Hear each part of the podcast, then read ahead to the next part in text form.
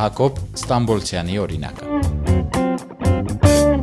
ամենակարևոր ու ամենաճիշտ բանը կռվի պատերազմի ժամանակ այնա որ ամեն մեկը լինի իր տեղում իրեն զբաղեցրած պարտականությունը լիարժեք կատարելուց լինի, որտեվ ինքնին պատերազմը քաոսային իրավիճակը այդ քաոսի մեջ ամեն մի համակարգված գործողություն այդ քաոսին հակառակ կողմն է Արցախյան 44-օրյա պատերազմին որպես բուժակ կամավորագրված Հակոբ Ստամբոլցյանը բժշկական համալսարանի ուսանող է։ Սովորում է ստոմատոլոգիայի ֆակուլտետում։ Թեև նոր էր զորացրվել, բայց պատերազմի լուրը լսելուց հետո առանց տատանվելու հավաքել է անհրաժեշտ իրերը եւ սեպտեմբերի 28-ին գնացել Արցախ։ Հակոբը որպես բուժակ երկու տարի ծառայել էր Խարվաճառում։ Եղբայրն իր դիմումի համաձայն 1 տարի անց միացել էր նրան։ Պատերազմը սկսվելու ժամանակ եղբոր ծառայության ավարտին 100 օրեր մնացել։ Ասում է զորացրվելուց հետո չէին տեսել իրար եւ երբ երկար դաթարից հետո հանդիպել են, հուզմունքը մեծ է եղել։ Չգիտեին ուրախանան թե տխրեն, որ սպասված հանդիպումը պատերազմական իրավիճակում է ստացվել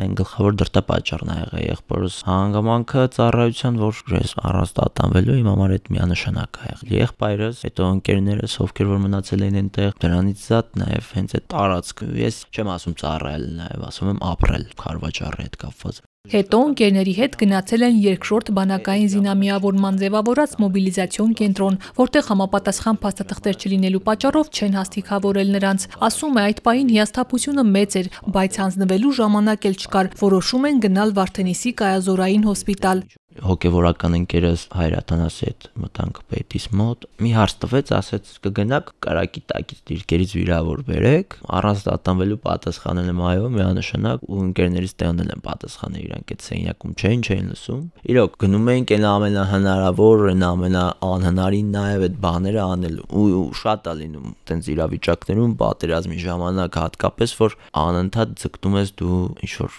հերոսություն անելու ամենաշատ բանը, որ արել ենք, այդտեղ էլա վիրավոր զինվոր տեղափոխելը ոչ միայն առաջնագծից, նաև դրանից հետո օգնությունը ցույց տալով ամբողջ ճանապարհին, հասնելով մինչև հոսպիտալ, հետո ընթացքում պատգարակով ամբողջ հոսպիտալով պատկերացրեք այդ ամբողջ process-ը, էլի ամեն ինչը միտեղ չի, սկզբում համապատասխան հետազոտությունն է անցնում, հիմնական մասը ի վիճակի չեն քայլելու, ցաներ վիրավորումներ ու այդ ամեն ինչը պետք է հնարավորինս արագ չի եղել, էլի կոնկրետ առանձնացրած մի հատ կետ, ենթակետ, որ ասենք մենք սրանով ենք էլի զբաղվելու ու բոլորի մոտեր է այդ ձև։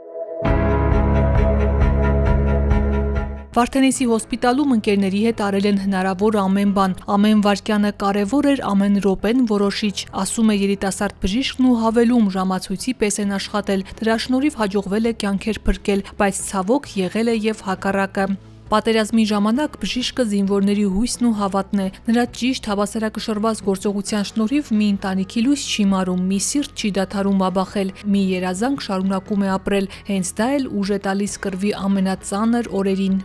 այդ պահին ամեն մի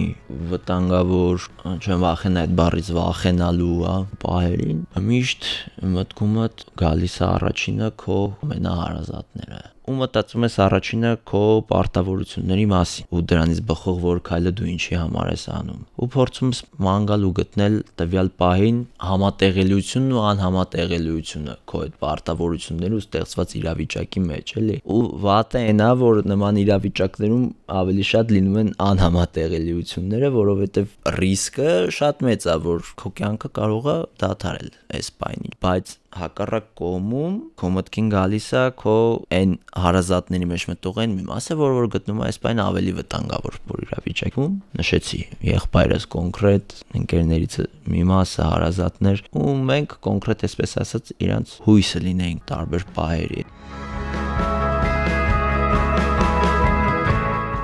Մինչև պատերազմի ավարտը Հակոբը ընկերների հետ չի լքել սպիտակ բանակի շարքերը։ Հուսահատության պահեր շատ են եղել, բայց զգոնությունը չեն կորցրել, շարունակել են կատարել մասնագիտական պարտքը։ 22-ամյա բժիշկը դեռ 3 տարի պետք է սովորի համալսարանում։ Այժմ տարբեր կլինիկաներում փորձաշրջան է անցնում։ Առաջիկայում էլ ցանկանում է ուսումը շարունակել այլ երկրում։ Իսկ ահա եղբայրն արդեն ավարտել է ծառայությունը, ծրագրավորում է սովորում։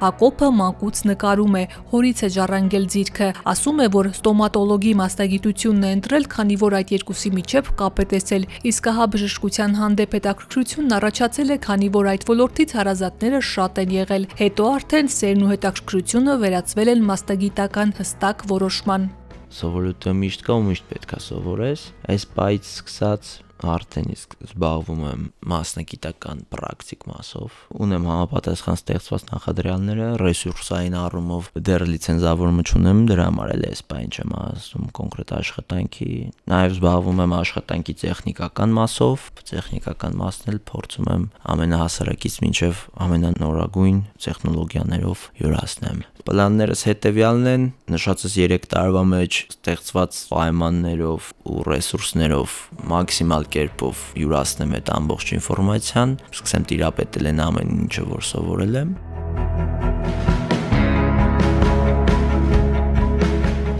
Երիտասարդ բժիշկը խորհուրդ է տալիս զբաղվել սիրելի գործով, քանի որ երբ սիրելի աշխատանքը համադրվում է աշխատասիրության ու ձգտումների հետ, հիանալի արդյունքն անխուսափելի է